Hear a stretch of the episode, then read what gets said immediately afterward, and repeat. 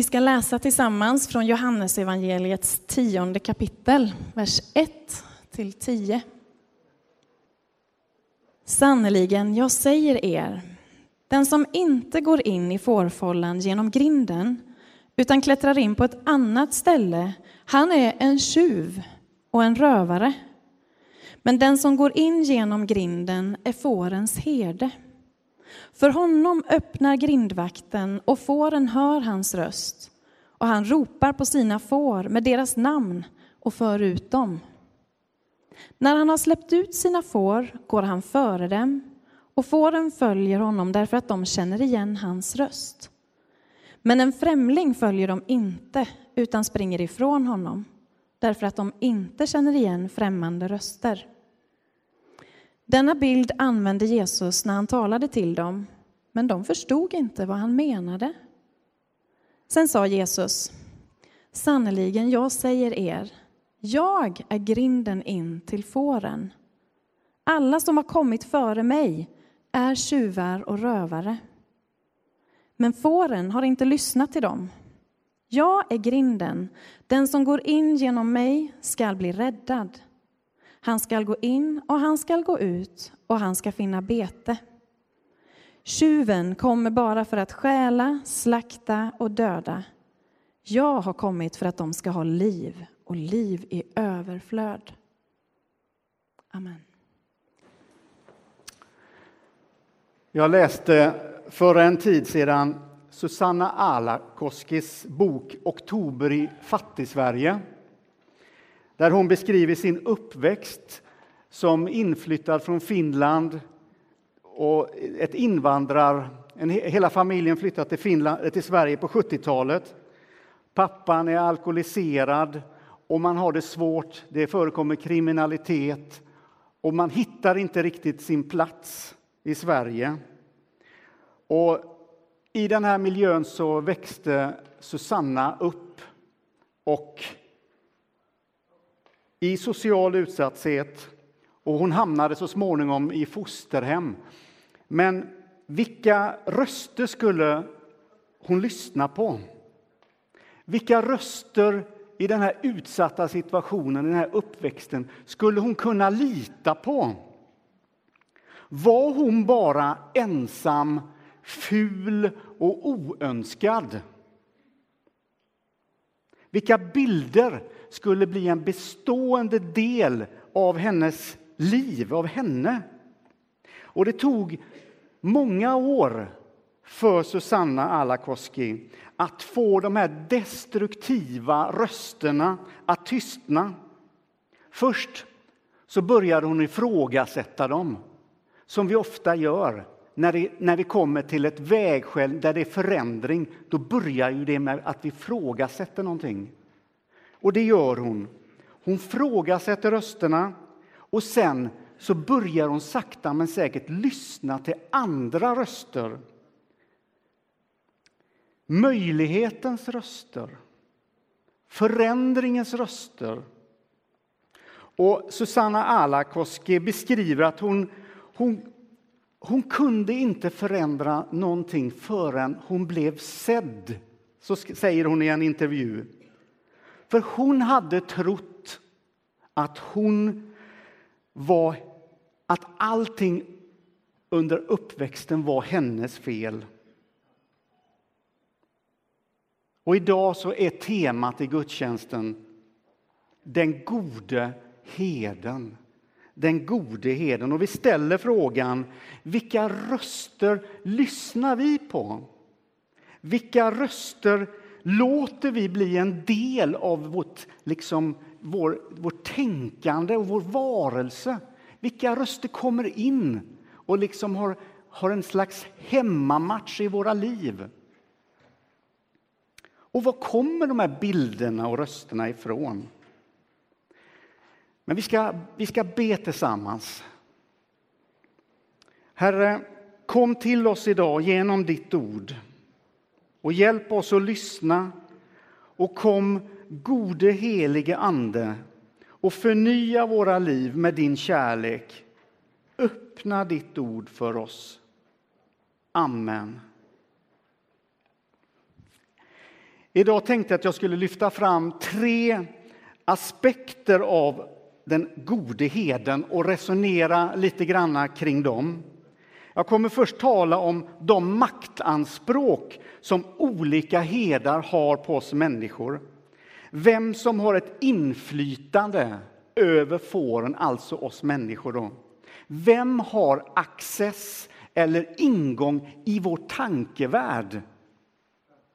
Sen kommer jag att jämföra den gode heden Jesus Kristus med andra herdar och andra budskap. Och sist så vill jag dela några tankar kring hur vi kan göra för att följa rätt röster och rätt herde. Men låt oss börja med att gå till, tillbaka till Gamla testamentet. För bilderna om den gode heden eller heden där, det är ju ingenting som bara dyker upp när Jesus talar om det, utan det är, det är begrepp som ligger i Gamla testamentet. Ehm, och, och, vi läser från den gammaltestamentliga läsningen idag i Hesekiel 34, vers 11 till 16. Så säger Herren Gud. Jag ska själv ta hand om mina får och vårda dem. Han har sina får omkring sig. De skingrade, så ska jag vårda mina får och rädda dem från de platser dit de skingrades den dag då moln och töcken rådde. Jag ska hämta dem från de främmande folken, samla, samla dem från de främmande folken, samla dem och föra dem till deras eget land. Så de judar som hörde Jesu liknelse om den gode heden kände ju väl till hedemetaforen och språkbruket. Det var ju liksom ingenting som var nytt för dem. Och I Gamla testamentet så var heden det var ju Gud och fåren, det var Israels folk, det israeliska folket. Och hedens uppgift som vi läser här i Sekel, det var att rädda fåren undan dåliga och destruktiva herdar som inte ville fåra jorden väl.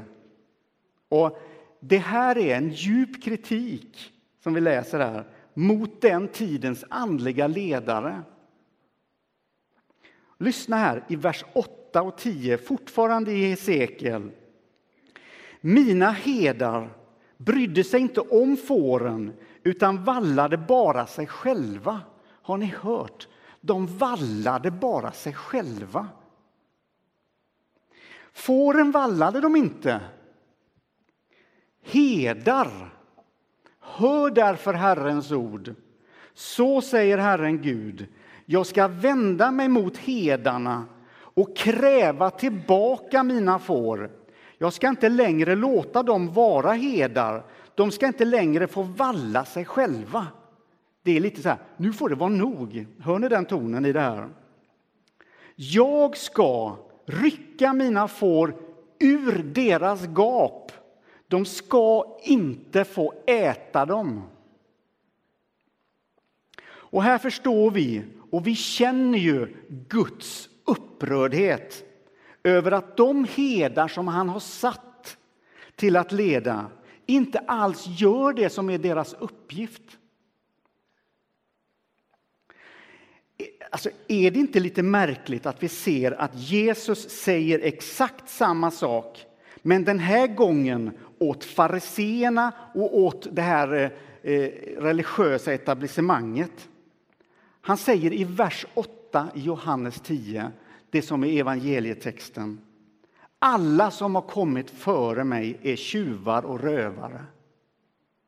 Och du som känner till lite eh, Nya testamentet och evangelierna, du vet ju också hur Jesus hela tiden går och kommenterar ledarna och hur, hur de inte gör sin uppgift och hur upprörd han är över detta genom Nya testamentet. där. Men Jesus säger så här. Jag är den gode heden. Den gode heden ger sitt liv för fåren. Den som är lejd, nu har ni kopplingen tillbaka till Gamla testamentet, den som är satt att bara sköta. Va? Den som är lejd och inte är herde och inte äger fåren, han överger fåren och flyr när han ser vargen komma. Och vargen river dem och skingrar dem. Så låt oss nu komma in på det här med maktanspråk som olika herdar kan ha på oss människor. Så låt oss tala om vem eller vad som har inflytande över oss människor. Vem har access till din tankevärld? Vem har access till ditt känsloliv? Vem har access till ditt motivationscentrum? Vi förstår när vi läser texten att det pågår en kamp om fårens uppmärksamhet. Det, det, det, förstår vi ju. En kamp om fårens uppmärksamhet. Och Jesus menar att avsikterna mellan olika herdar är diametralt olika. Några är tjuvar och rövare, säger Jesus. Och här borde vi tänka till lite och fundera lite grann. Vilka röster är det jag lyssnar på? Vilka röster tillåter jag forma mig? Susanne Alakoskis förändring i, i, i sitt liv började när hon började ställa frågor. Och en sak till. All förändring börjar med en fråga. Du kan aldrig förändras om du inte ställer en fråga. Och, och här kan frågan vara, vilka röster lyssnar jag på? Vilka av vår tids röster lyssnar vi på? Vilka värderingar i vår tid låter vi bli en del av oss? Vi får inte glömma att det pågår en maktkamp. Men låt oss också jämföra Jesus som herde med andra herdar. Och det är ju inte så svårt eftersom att han själv gör det så tydligt. Jesus tar ju direkt den här, klargör ju den här skillnaden. Han säger jag är den gode heden. Han säger inte bara att jag är heden, utan det är ett sätt för honom att markera ut sig själv som den gode heden, underförstått. De andra kan du inte lita på. De är inte goda, de vill inte ditt bästa. Den gode heden kopplas tydligt ihop med hur man behandlar fåren. Tjuven kommer för att stjäla, slakta och döda, läser vi. Men jag, säger Jesus, jag har kommit för att de ska ha liv och liv i överflöd, läser vi i Johannes 10 och 10. Liv i överflöd. Hör ni det? Att vi ska ha liv i överflöd. Och det kanske är det som David, när vi, när vi då hoppar tillbaka till nästa läsning den här söndagen, som är från Saltaren 23. Det är väl det som David eh, har i sin egen erfarenhet. Han har upplevt detta. För han säger så här i den 23 salmen att Herren är min herde. Han låter mig vila på gröna ängar. Han för mig till vatten där jag finner ro. David visste att han hade två både svåra, nödvändiga och samtidigt enkla saker att göra. Det första det var att lyssna, att urskilja. Alltså, och det andra det var att följa heden till det gröna gräset, till det där stilla vattnet. Alltså lyssna och följa. Jesus är den gode heden och han säger själv det som på djupet skiljer Jesus från andra när han säger nu kommer det som riktigt sätter honom på en pedestal bland alla herdar, alla ledare, alla tider, någonsin. Och det är när han säger detta att heden ger sina liv för fåren. Alltså han visade hur långt han var beredd att gå för sina får. Det fanns ingen gräns. Är den här? Nej. Är den här? Nej. Är den här? Nej. Hans gräns är hur långt bort som helst. Det finns ingen gräns för hans kärlek och vilket uttryck den vill ta.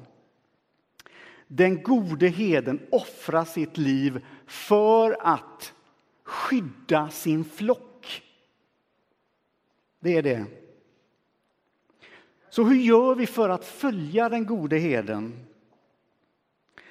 Jag tror att vi aldrig kan gå bort, komma bort ifrån att vi måste starta precis där vi är och står. Och jag tänker så här. Vi är många som har mycket som har gått sönder och som har spruckit i våra liv. För det är alltid där som hedens röst hörs först. Där du har gått sönder. Det är där du ska sätta ditt öra, för det är där rösten kommer först. Och jag tar den här berättelsen om Susanna Alakoskets liv igen. Jag lyfter in den i predikan för att den är också en bild för allas våra liv. Att vi bär på en utsatthet som människor. Och vi, vi måste relatera till det som har, har gått sönder och som har pajat i våra liv. Våra erfarenheter som inte alls kanske blev som vi hade tänkt oss. Det är där som heden börjar sitt, sin, sin ledning av oss. Och vi vet med oss att vi har lyssnat på fel röster. Men vad kunde vi väl göra när vi inte kunde höra skillnad på bra och dåliga röster? När vi drevs av impuls och när vi drevs av överlevnad. Vi, kanske, vi har kanske varit med om saker i livet som har gjort att vår tillit har fått en törn. Att vi, att vi inte riktigt vågar lita på Gud när han säger att jag är den gode heden. Ja, men jag har lyssnat på så många rösters budskap. Jag har gått i så många riktningar och så har det blivit fel. Jag vågar inte riktigt lita på den här rösten. Men jag vill säga dig idag att mitt i sviterna av din historia, för vi har det allesammans, sviter av vår historia, så kommer idag kallelsen till dig och till mig och den säger med en ömsint röst, kom nära. Kom nära. I Johannes 10, vers 4-5 så står det Fåren följer honom därför att de känner igen hans röst. En främling följer dem inte därför att de inte känner igen främmande röster. Och det låter ju enkelt det där. Min egen erfarenhet, och jag hörde på Caroline här i början eh, när hon inledde, är ju att det är ju inte så jätteenkelt att, att, att få det här att funka, det här lyssnandet alltid. Man kan ju till exempel känna igen en dålig röst så att den blir bekant och hemtam. Men även en bekant och hemtam röst kan ju vara försåtlig och leda fel. Hör ni vad jag säger? Alltså, det här, det här kan ju vara lurigt. Så du, men när heden börjar leda dig och mig så ska du ha med dig det här tänkandet att du inte behöver vara färdig. Du behöver inte vara färdig direkt. Det här är en process. Gå dina myrsteg, små steg. Tacka Gud för de små framstegen du gör i ditt lyssnande. Och när du hör någon gång och du tänker att nu hör jag rätt. Tacka Gud för det och så tar du ett litet steg till. Jag tror, det är väldigt få, det, jag tror att det är väldigt få som kan ta de här gigantiska kliven så här i sitt andliga liv. Gå de små, små stegens väg i ditt lyssnande efter hedens röst. Den gode heden vill göra någonting vackert av det som har gått sönder i ditt liv. Han vill göra någonting vackert av din historia. Det finns ingenting i ditt liv som inte, som inte Gud vill göra någonting vackert av.